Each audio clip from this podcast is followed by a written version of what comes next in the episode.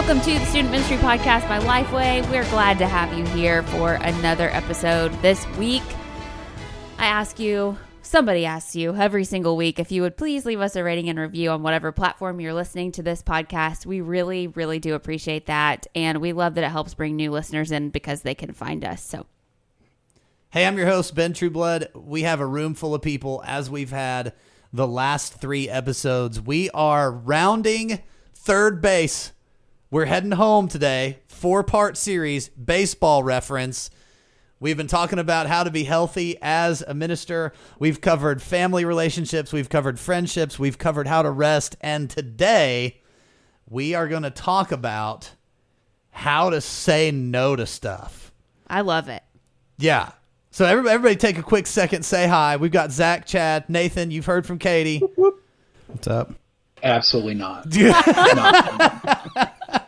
Pass. Yeah. See, that was sa- how to say no. It's not Yeah. that Not doing this. difficult, right? So if you haven't listened to the previous three episodes, uh, you can go and do that either now and come back or after this one, whatever you choose. They are not sequential in any other way than we just planned them that way. So you don't have to listen to them in order, but we would love for you to go listen to them. So let's start with the big question.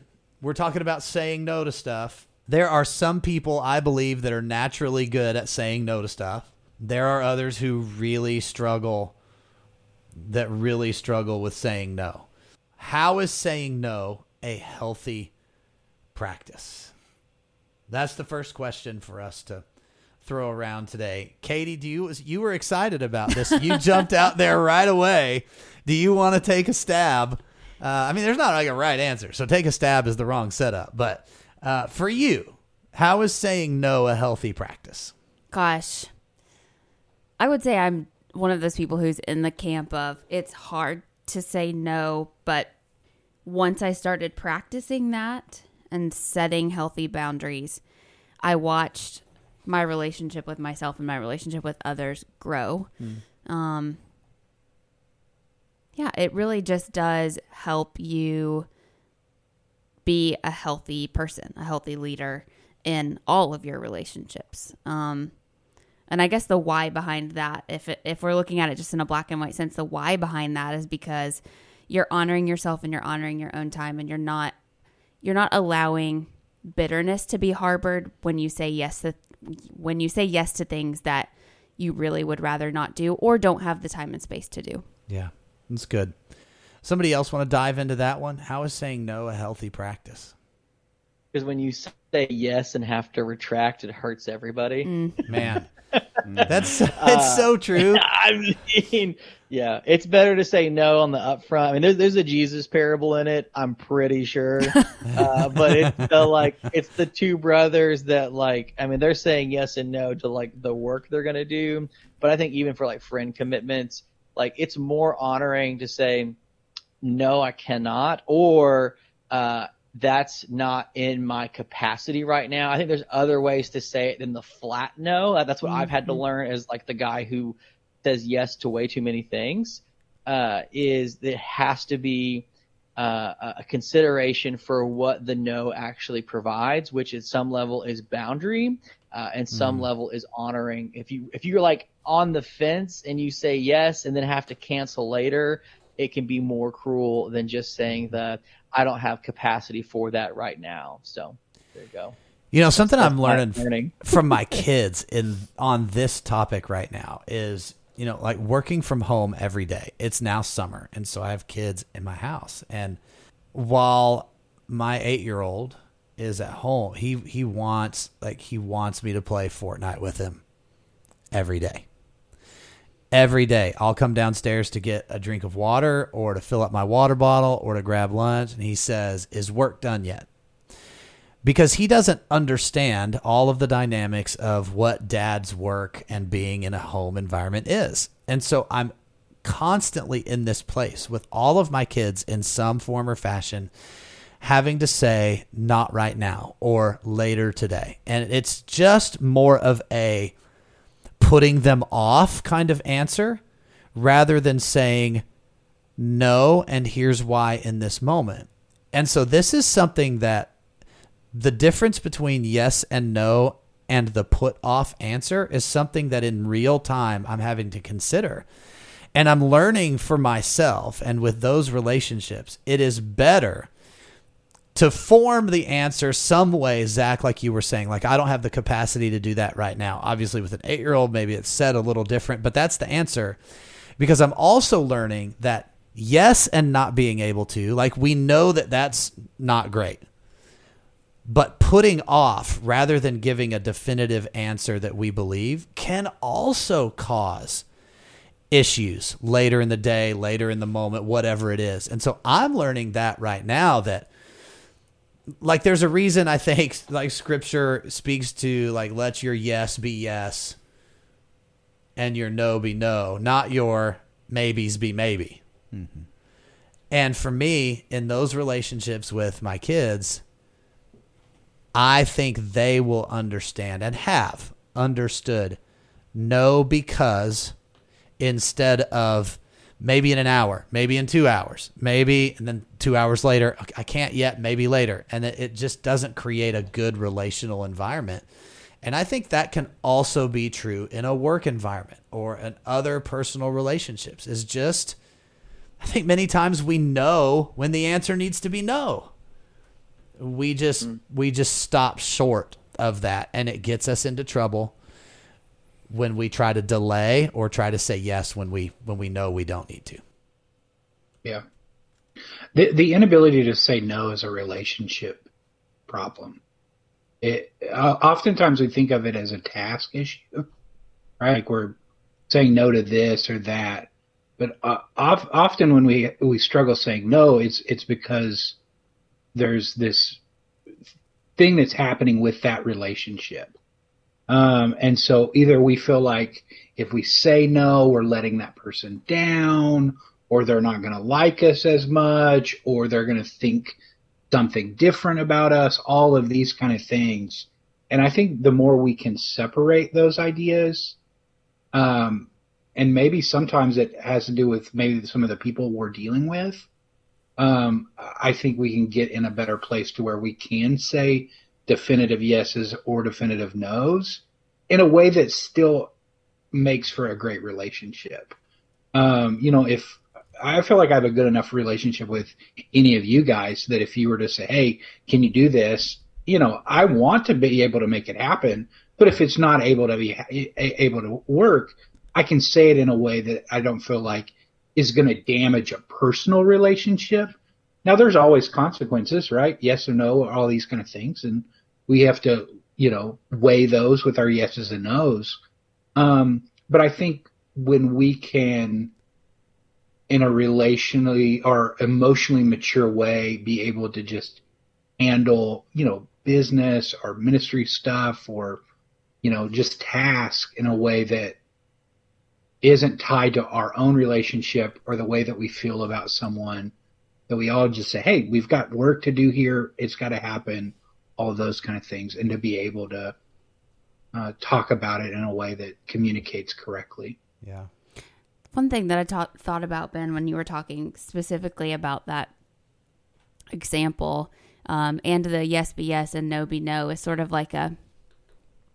If you were to say, if you were to like say, yeah, I can do that right now. You maybe could spend five minutes or 15 minutes playing with him. And it would be like in that moment, you would constantly be thinking, man, I really need to get back to this task or I really need to get back to this meeting or whatever it is, just to sort of squeeze in that moment to give him that yes that he was looking for then. But how that looks different to, to be able to communicate, no, I can't do this right now. But what if we spend an hour playing Fortnite tonight? Yeah. You know, and, and I think about it the relational part of that, like Chad said, is you know, you you want when you feel obligated to say yes to someone, the desire there is to maintain the relationship um, or to invest in the relationship. But sometimes being able to say no, I can't do that right now because I couldn't give you my full attention or because I wouldn't be at my best or because I wouldn't do my best work, but I can give you this at this time really is making that you really are giving more to that relationship or to that project because you can be all in when you do say yes. Yeah. Yeah. And you meet that person, that other person's like emotional need in that moment. Yes. Especially when we're talking about our kids. I love that, Katie. That's such a great example. And it, you, in the way you've, even you say it, even in that moment, it doesn't have to be a no. Specifically when we're talking to our kids, of saying like, yes, I want to do that. Here's when I can do it. Mhm. I think is is a great practice, not only with kids but sometimes in ministry as well. Yeah. So it's the principle that saying no creates space to saying yes in times and situations and to projects that matter most. Like you can give for to use your example, you can give 15 minutes of a yes right now that really doesn't cut it. Or you can say no now and give more time with a more meaningful yes later. And that same principle principle can be a, applied across the board in anything that we take on, not just family stuff, but in work things as well. So I think an important thing to consider here, and this is, I think, the hard part of this, because cognitively, I think we can get to the place where we say, okay, there's benefit in saying no, and I see what the benefit of saying no is, but how do I know what I can say no to? and we can take this in specifically like a work environment and if if i'm a youth pastor and i'm listening to this podcast episode and i'm saying man guys this sounds awesome but how do i i've got a plate full of things and i've got expectations coming from a hundred different angles how do i know the things that i'm allowed to say no to So uh, there's a business entrepreneur guy, uh, Derek, that I really like, and he's got a whole post dedicated to this Ben. And his filter is, if it's not a heck yes, then it's a no. if there's that like, if, if is that the like, correct hey, man, language or was that today? was that edited Uh, pro- possibly, possibly. uh, and so his thing is, you know, someone's like, "Hey man, you grab lunch today?" And you're like, "Meh," ah, then it's a no. But if it's like, "Hey man, you grab lunch today?" and you're like, "Yeah, dude," then that's what you do. And so just that kind of like, is there like some pre-baked enthusiasm to it, uh, or as Derek Sivers would say, or uh, you know, otherwise you discard it. And obviously, like if there's like assignments work, they're like begrudging. We can't discard like the tasks that are like obligated to us. Yeah. But when it comes to like our own like personal commitments or enthusiasm like you know if you get amped up about it then there you go. But if you're middling yeah it's just a no. There's also a rule of uh, an 80-20 where uh, they say that um, 20% of your actual work um, leads to 80% of the results that you're looking for. Um, and so I think determining what are the actual things that we do week in and week out that give us the biggest impact, those have to go up on the priority list of when we get those done. Uh, and then we realize, hey, the other 80% of the work that we're going to do is only about 20% of the actual impact, but it's stuff that has to get done. Uh, but it allows us to prioritize those in a different function and it allows us to go uh, to see what we're really trying to get done. Because if we just have a whole list of all of these different things, we don't really think through what's making the most impact. Uh, and that'll allow us to know like the things that we can kind of either delegate off or just completely rid from what we're going to be doing that week. That's so significant, Chad, and and that's kind of along the lines of what I was thinking is like being able to say no. Uh, like you know what you can say no to when you know what things are priority, and I think sometimes that can be really difficult at work, especially if you're receiving requests from multiple different people, and so sometimes it it takes um, it takes some help to be able to prioritize your work. Um, sometimes that's like reaching out to a supervisor or you know somebody your boss who can help you who can help see the full the full lay of the land of everything that's on your plate and can help prioritize it. And some of the people who are making big asks of you might not even know the extent of everything that's on your plate. They can help prioritize. And one of the other things that i have learned in recent years is sometimes when you're being asked a lot of things maybe particularly from the same person um, is the ability to like once you know those priorities you have this ability, and that ability is to say, I can take this on, but something else will have to shift or something else will get less attention. And that's a lot easier when you know what the priority things are. Chad, like you said, like what's going to produce the most results. That's the thing I should pour my time and effort into. And if I divert time and effort away from that thing, um, it, you know, it will suffer. So this yeah. is where it a good relationship with the person that you report to is really important for this conversation. Mm, to be yeah. able to do both Ch- Chad and Katie what you guys have been talking about here takes an open line of communication where your supervisor, boss, whatever knows what you're working on, knows that that when you commit to something, you're going to do it, that you're going to follow it to completion, that work ethic isn't a question there, that there's been a long series of communication opportunities where you've had discussions like this, where when you say back to them, hey, I can take this thing on that you've asked me to do, but that means I have to shift these other priorities. I would like your feedback on that as my leader that takes relationship with the mm-hmm. person that you report to.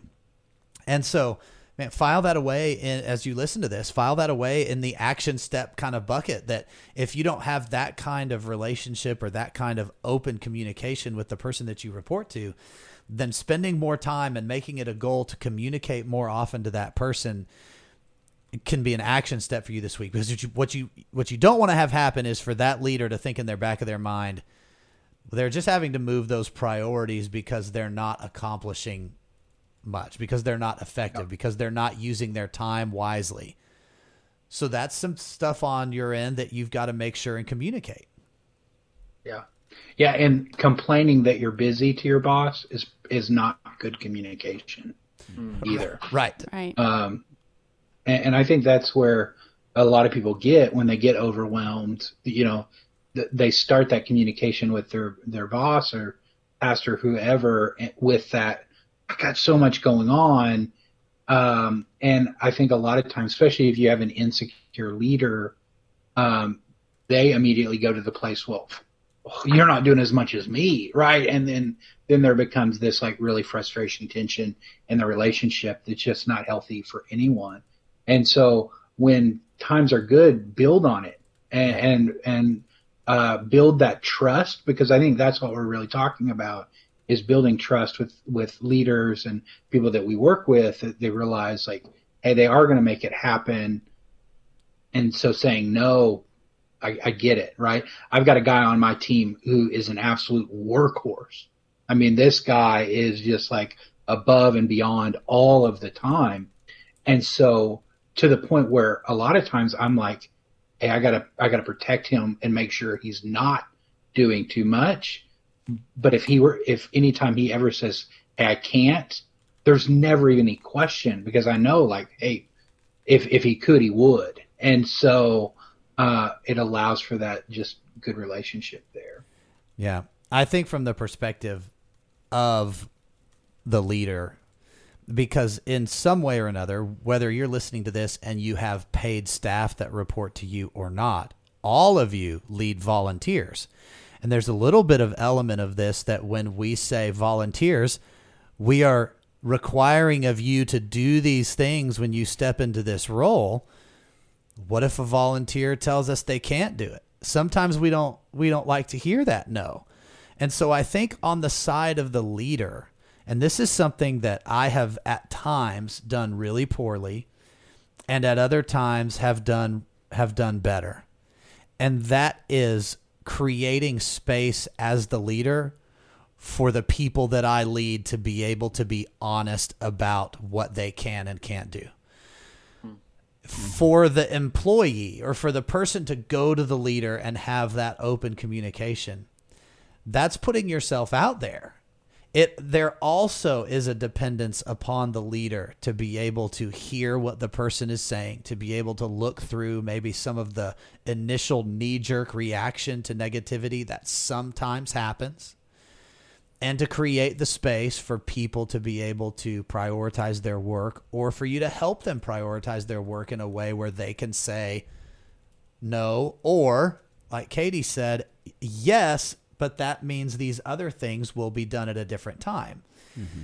And so I just I, I don't want to leave this topic without also addressing it from the side as we lead people, both volunteers and staff kind of people. Yeah, and if I can jump in there as the volunteer for so many years that always said yes, student ministry leaders, I think that's great, Ben. But if you have that volunteer that is always saying yes, then take a moment, step back, and find out if they're really okay with all the yeses. Because I just felt obligated that if I had even the slightest bit of a chance to to help and do something that I needed to, so whether it was like, hey, can you do this youth thing? To can you run sound for the senior adult Christmas party? To this, that, or the other you know, I was I found myself saying yes way too often, mm. and then I ended up getting into a place where I just really couldn't stand Christmas season at the church because it was like three weeks of me being there mm-hmm. every single day, and I just didn't really even enjoy the Christmas holiday. Not talking about like the the spiritual side of it, but just the physical, you know, thinking it should be something that that I that I wanted to enjoy. But I just said I had to learn those lessons the hard way of learning to say no. But I said yes way too often, and so I would say from the flip side of the volunteer side, man, just make sure your volunteers are okay with saying yes, and don't always go to the yeah. You've got those people that you can always count on, but make sure you're you're counting on them for the right reasons and not just because they're an easy yes. Golly, that is such good mm. feedback, man. Because, like, in my mind, as you're talking about that, like in student ministry, all student ministries have the person that will do everything, right? Like, we, you just, like, they're, I can see them in my mind right now. They just love the ministry and love to serve, and they're going to say yes to everything. And protecting them mm-hmm.